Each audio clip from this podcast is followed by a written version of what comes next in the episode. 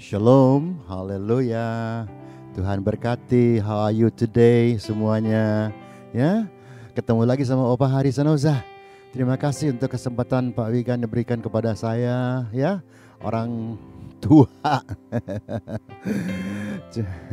Ini hari saya dikasih kesempatan untuk sharing mengenai warisan, ya.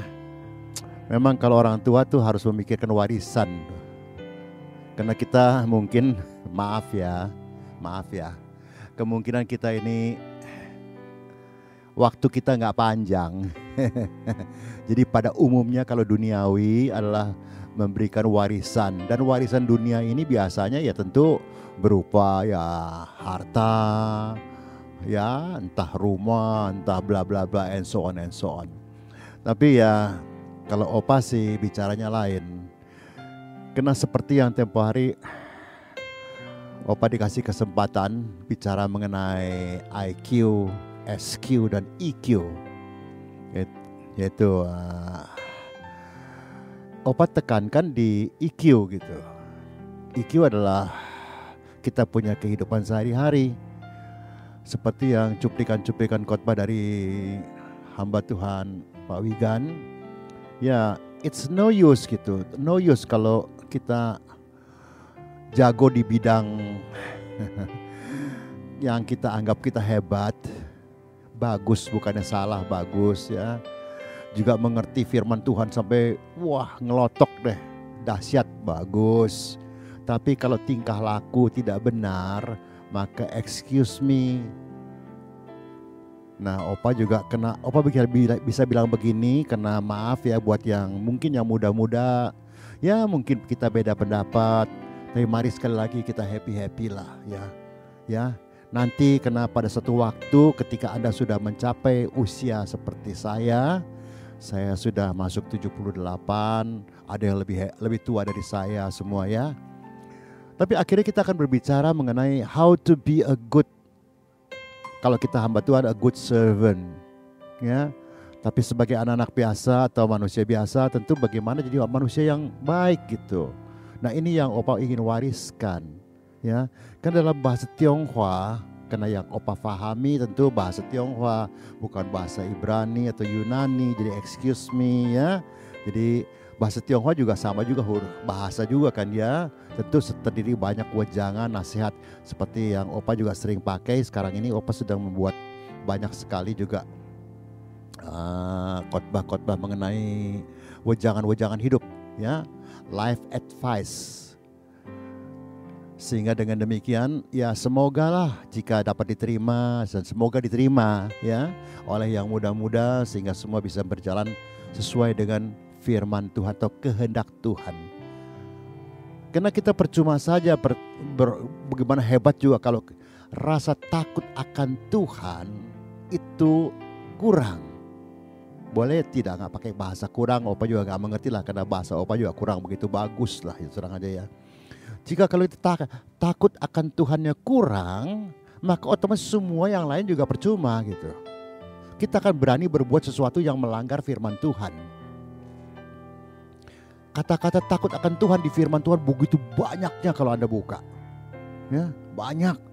Bukan hanya 10 20 banyak sekali sehingga memang ditekankan eh, untuk jadi human being, untuk jadi manusia yang benar di hadapan Tuhan, ya awalnya harus punya takut akan Tuhan. Karena begitu takut akan Tuhan, kita punya rem. Kita bisa mengendalikan emosi, bisa mengendalikan segala-gala sehingga dengan demikian apa yang kita lakukan ini yang kita bicarakan di mimbar sesuai dengan kehidupan. Opa berapa baru berapa hari yang lalu Opa tulis di Facebook ya ya. Mari teman-teman hamba-hamba Tuhan, saatnya kita ya uh, mewujudkan apa yang kita sering khotbahkan di mimbar. Jangan asbun. Iya. Karena memang sekarang ini semua dilanda pandemi, semua dilanda kebingungan, semua dilanda ketakutan, semua dilanda ujung-ujungnya adalah kenapa? Ujung-ujungnya adalah memang kita punya income atau money istilahnya jangan salah mengerti, opa tidak minta ya, coba ini sharing ya, oke? Okay? Semua ujung-ujungnya ya di ini duit Iya. Opa sering tanya di gereja kok. Ayo, kalau lagi banyak duit bagaimana wajahmu? Oh sukacita, haleluya, puji Tuhan. Coba kalau lagi nggak ada uang, langsung itu muka ditekuk, emosi naik, ya kita juga suara juga keras, ya sedikit-sedikit kesinggung dan lain sebagainya. Kenapa? Karena nggak ada uang. Semarah-marahnya orang, se, se, se orang, taruh uang. Opa sering ngomong, buang di depannya. Entah berapalah angkanya lah ya, pokoknya yang wah gitulah. Pasti dia diam. Dan everybody has a price. Setiap orang punya harga. Ini hari dia ngomongin si A, si B, si, si D. Kalau dia diundang oleh si A, si B, si C, dan si D, langsung bahasa pun jadi lain. Kenapa? Karena memang budi pekerti orang tersebut kurang mencapai uh, tingkatannya. Dalam bahasa mana itu tau te. Tau te. Jangan dibaca dau de. Tau te. Hmm? Moral Kenapa? Ada pepatah Tionghoa yang mengatakan cung kua te kua cung to te to. Apa yang kau tanam, kau kalau bahasa hurufiahnya adalah kalau kau menanam uh, uh, semangka, ya buah-buahan dan sebagainya, maka engkau akan menuai tentu buah-buahan juga kan ya. Tapi kalau kau engkau menanam uh, biji-bijian segala macam, maka akan keluar entah kacang, entah apa nggak tahu lah istilahnya sesuai dengan apa yang kau tanam. Nah, itulah yang di kita adalah tabur tuai. Semua sudah hafal lah yang Opa ngomongin ini. Tapi sayangnya orang suka lupa mengenai tabur tuai ini.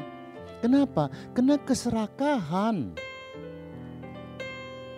Lihat sekarang di televisi semuanya. Saben hari beritanya waduh. Sampai mengerikan gitu istilahnya. Ya. Kenapa? Kena keserakahan demi sedikit uang kita bisa melakukan sesuatu yang di luar kehendak Tuhan. Nah itu berarti kan tidak ada takut akan Tuhan. Karena keserakahan dalam bahasa Tionghoa adalah tan. Ya, dalam bahasa dialek daerahnya tam. Ya, bahasa Mandarin tan. Ya, ini tan ini pangkal dari kemiskinan. Ping Memang waktu dia mendapatkan, dia dapat sesuatu. Tapi kalau dia terus tahan terus, serakah terus, maka ujung-ujungnya adalah dia jatuh miskin. Miskin jasmani maupun miskin rohani. Nah kita ini selama ini sudah dengar firman yang begitu banyak, disampaikan begitu banyak hamba-hamba Tuhan. Dari yang ya setua opa ya, sampai yang lebih muda dan lain sebagainya. Tapi ujung-ujungnya juga maaf ya, Opa minta maaf. Opa memang kalau ngomong kadang-kadang ya terlalu terus terang. Tapi apa akibatnya ya mungkin ada yang tidak senang. Ya that is a risk. Ya hidup ini harus jadi risk taker. Risiko gitu. Kalau hidup ini tidak berani ambil risiko ya kita tidak berani menyampaikan kebenaran firman Tuhan. Tapi begitu kebenaran firman Tuhan disampaikan, maka pasti ada yang kesinggung. Nah, kadang-kadang kita hamba Tuhan juga takut menyinggung orang. Sehingga kita punya khotbah gone soft. Makin hari makin soft. Seolah-olah mengiyahkan apalagi kalau di depan-depan kita di gereja di depan-depan kita ini semua adalah orang the have semuanya. Kita tidak berani menyinggung mereka. Dari mana mereka mendapatkan kekayaan itu semuanya? Kita nggak berani ngomong. Kenapa? Karena ini yang menundukkan kita. Nah sekarang kita mau bagaimana? Sampai kita mau jadi anak Tuhan, mau jadi hamba Tuhan, mau jadi pelaku firman Tuhan, tapi kita juga sekaligus melakukan kehendak manusia.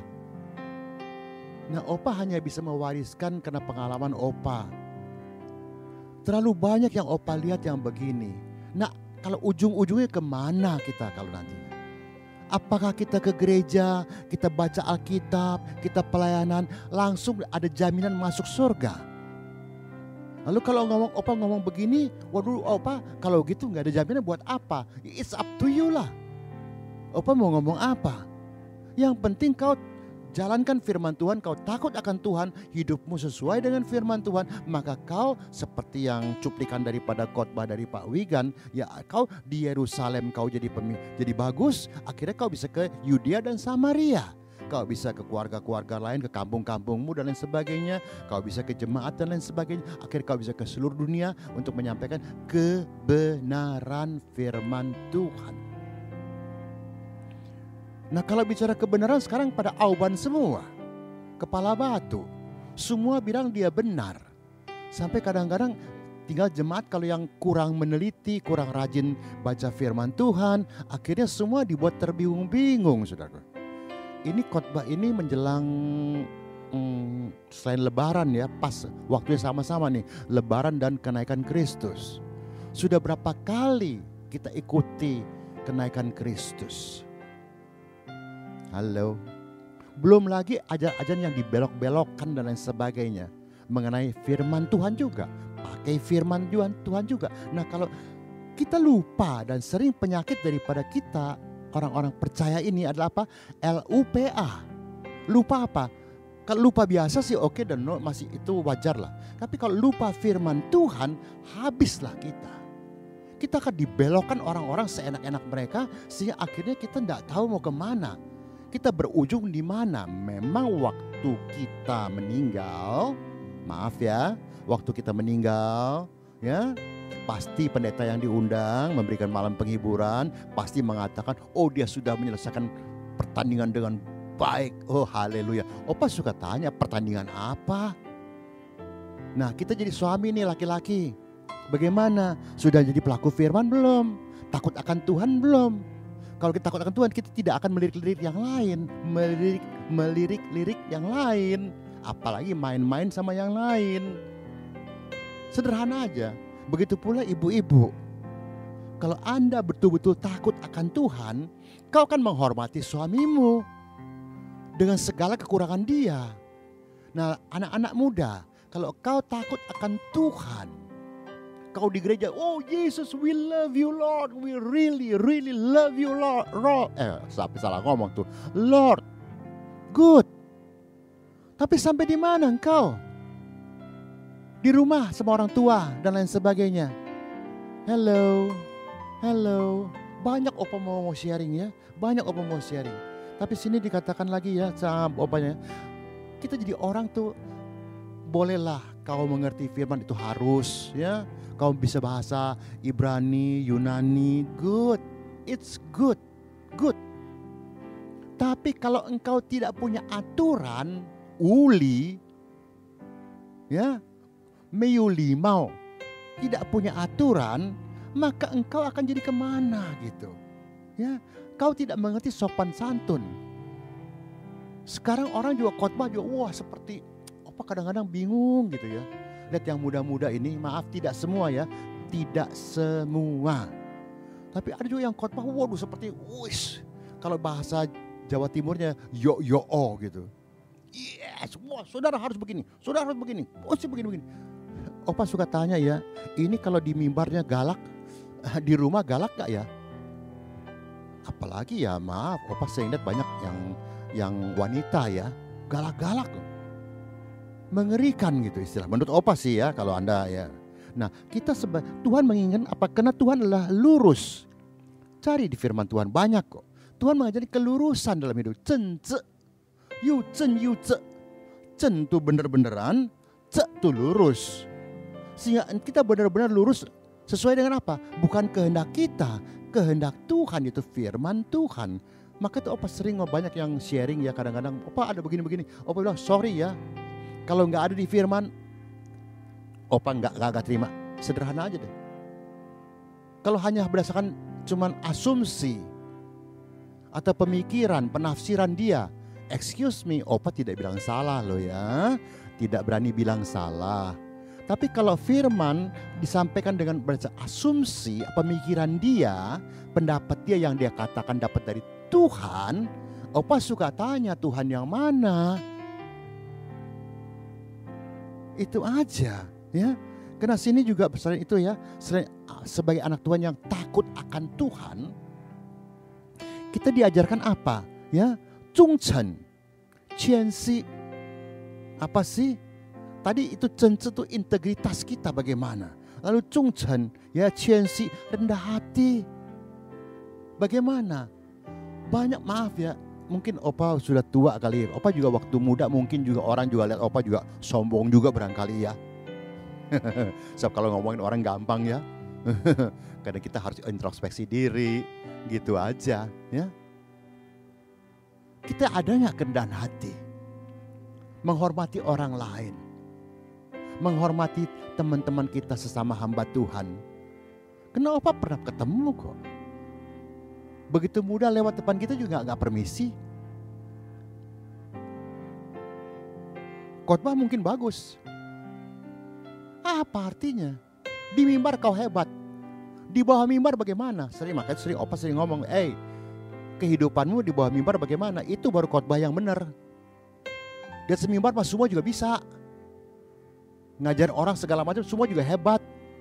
Sepertinya kita sudah paling suci, paling benar, paling jadi pelaku firman.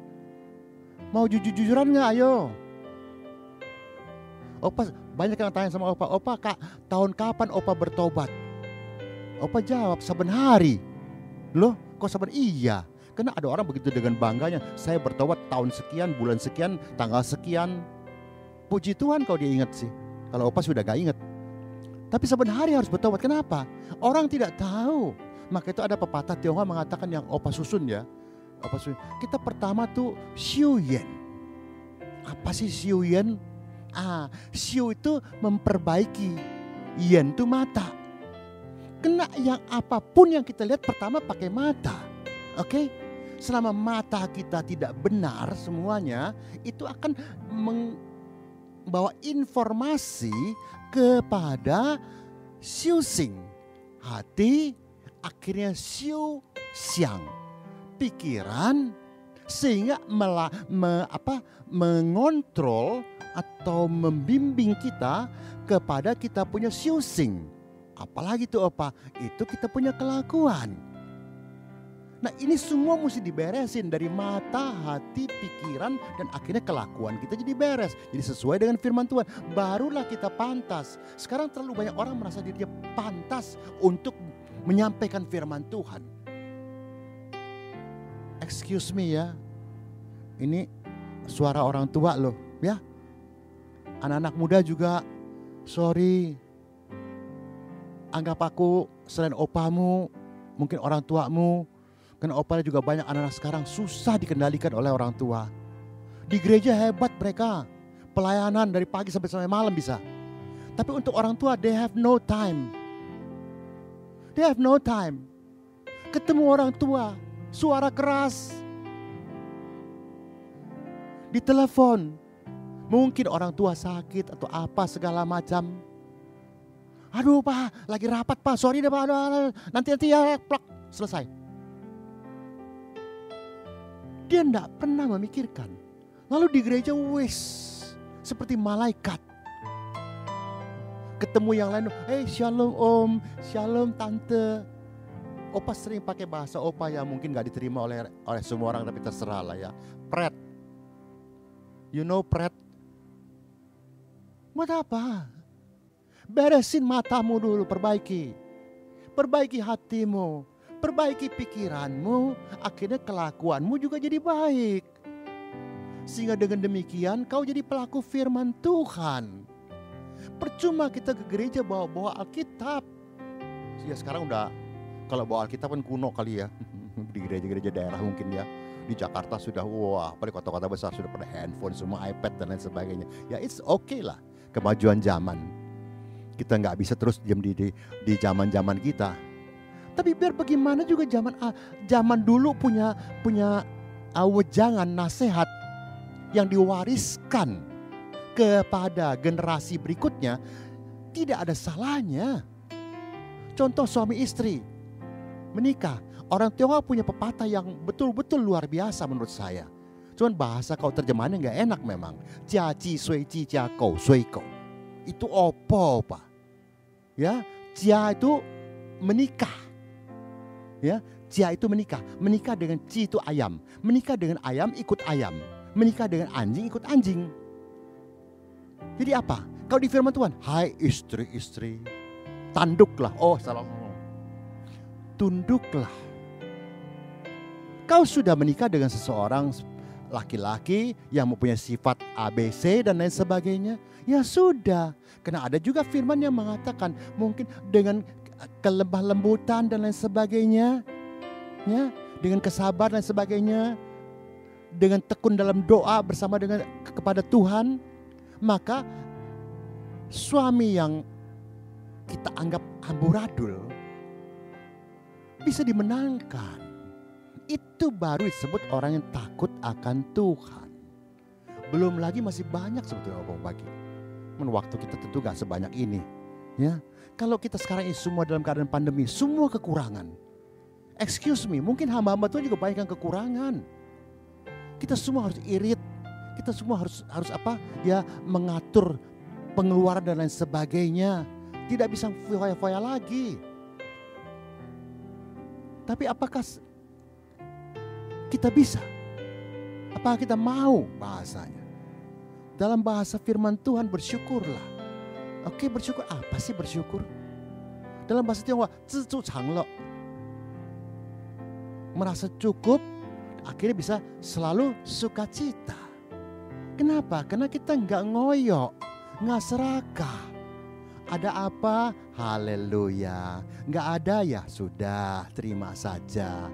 Ini hari bisa ma bisa makan yang cukup enak, puji Tuhan. Tapi kalau lagi nggak ada, ya kita makan mungkin dengan bubur dan apa saja. It's, hidup ini enak. Cuman yang bikin tidak enak tuh diri kita sendiri. Karena kita punya pikiran ini belum diberesin. Kita punya mata juga nggak beres. Dan orang, orang makan, hui, kok kita cuma segini. Akhirnya kau timbul sirik, iri, dengki dan lain sebagainya. Sehingga akhirnya Anda jawab, akhirnya apa? Akhirnya ke mana? Belum lagi bahasa nih, maaf sekarang semua kejar-kejar uang dengan segala macam cara. Ya tidak ada salah, cuman cuman bahasa opa sih sorry ya. Cincin pun sewaneng. Dan semiu cincin sewan-wan puneng. Opa kok banyak bahasa Mandarin? Ya bisa opa ngertinya bahasa Mandarin? Enggak ngerti bahasa lain. Tapi kan akan opa terjemahkan.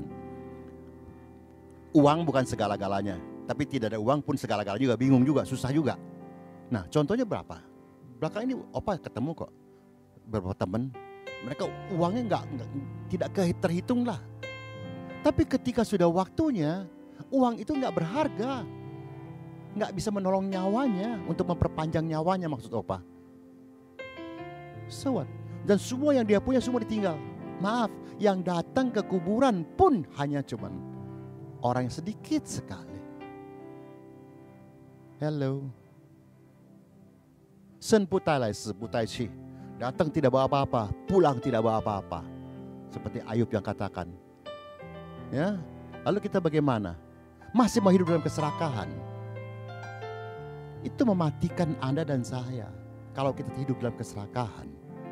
Dan banyak orang maaf aja, ya, uh, pun engkau fangsia ya pun engkau fangci. Artinya apa? Tidak bisa melepaskan.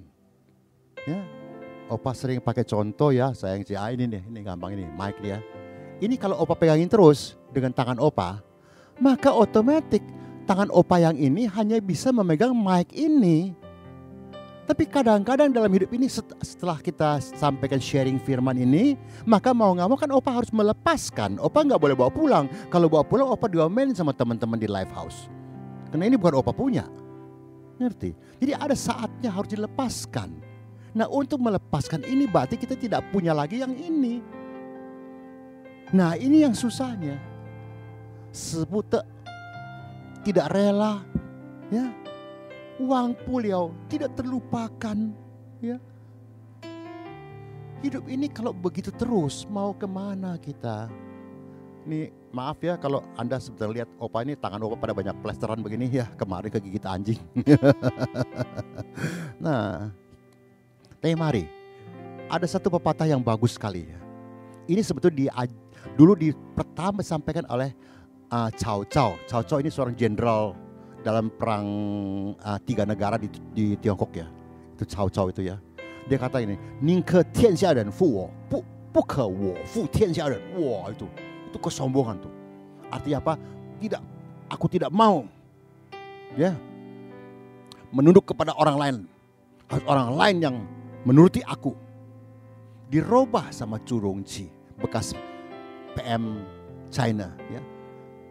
宁可我负天下人，不可天下人负我。Aku lebih rela melayani ya atau mengikuti bahasa terserah terjemahannya banyak macam-macam ya orang-orang itu tapi tidak boleh paksa orang-orang itu mengikuti aku ini yang ngomong maaf mungkin dia bukan Kristen karena dia dicungkuk kan Anda tahu dong tapi kalau orangnya bukan Kristen saja bisa begitu nah kita yang ngaku Kristen mesti bagaimana seharusnya lebih daripada dia tapi sekarang apa yang terjadi? Kita paksa orang-orang harus, harus. Apalagi kalau di belakang kita banyak money, uang, cien. Habislah orang-orang itu semuanya. Bagaimana kita? Kita sudah nggak ada kecencenan, nggak ada cenli, nggak ada ketulusan lagi. Karena kita semua kita mau kita mau jadi pemimpin, kita mau memaksa orang mengikuti apa yang kita anggap benar. Memang kalau di perusahaan the boss is always right. Opa juga ngerti karena Opa juga dulu bekas di perusahaan. Tapi ini ini di dunia rohani, men. Walaupun you think that you were right. But it's not mean that you were right. Iya, it's not mean that you were right. Dan Anda tidak Anda tidak punya hak untuk membawa, mengha, mem, apa, memaksa orang dengan pikiran Anda yang Anda merasa bahwa Anda benar gitu istilahnya. Nah, itu baru rendah hati namanya. Mungkin orang itu kenapa tidak bisa menerima kita punya pendapat? Karena mungkin dia belum mengerti. Nah, kan jadi enak kan? Hmm? Mengerti. Opa kan pernah ngomong tempo hari. Mengertilah orang yang belum mengerti persoalan yang sedang harus dimengerti. Sehingga tidak terjadi salah mengerti. Mengerti? Enggak terjadi keributan. Sekarang di mana-mana ribut.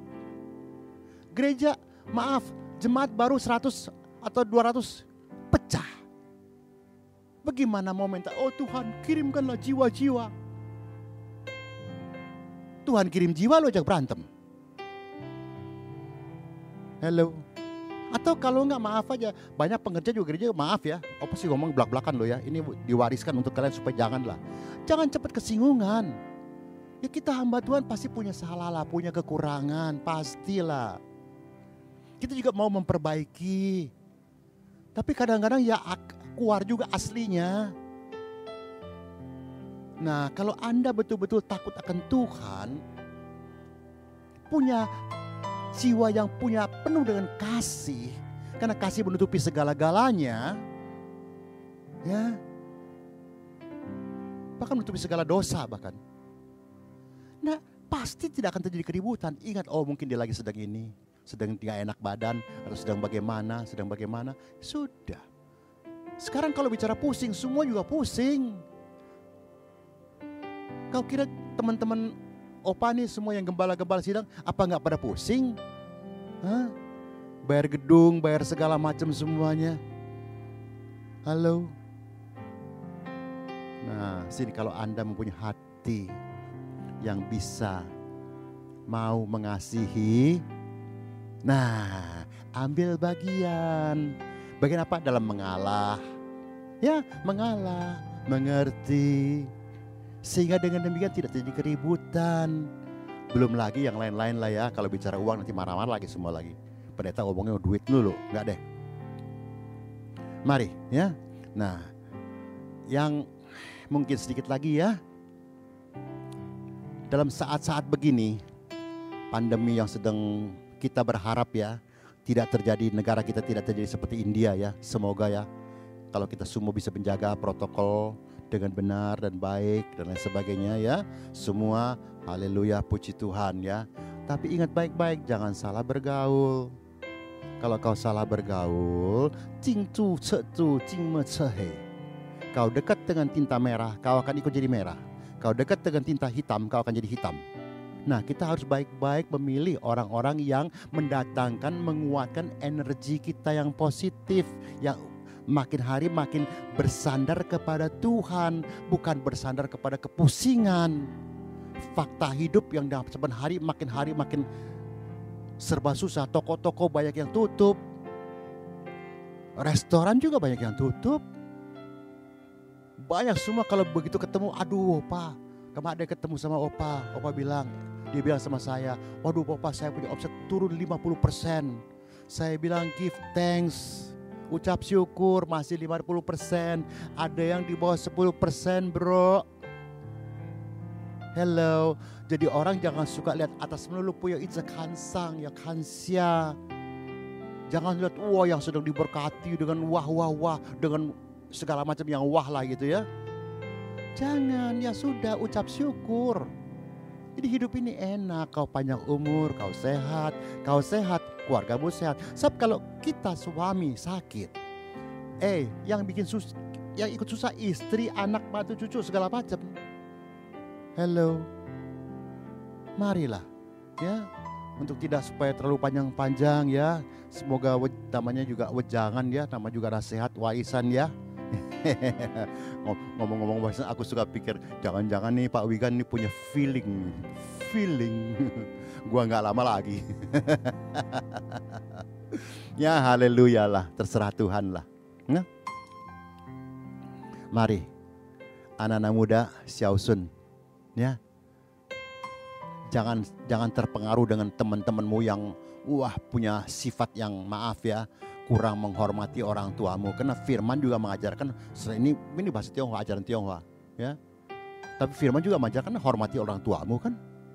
Nah cara kau menghormati orang tuamu bagaimana? Nah ini nasihat dari Opa lah. Semoga jadi berkat buat kalian semuanya.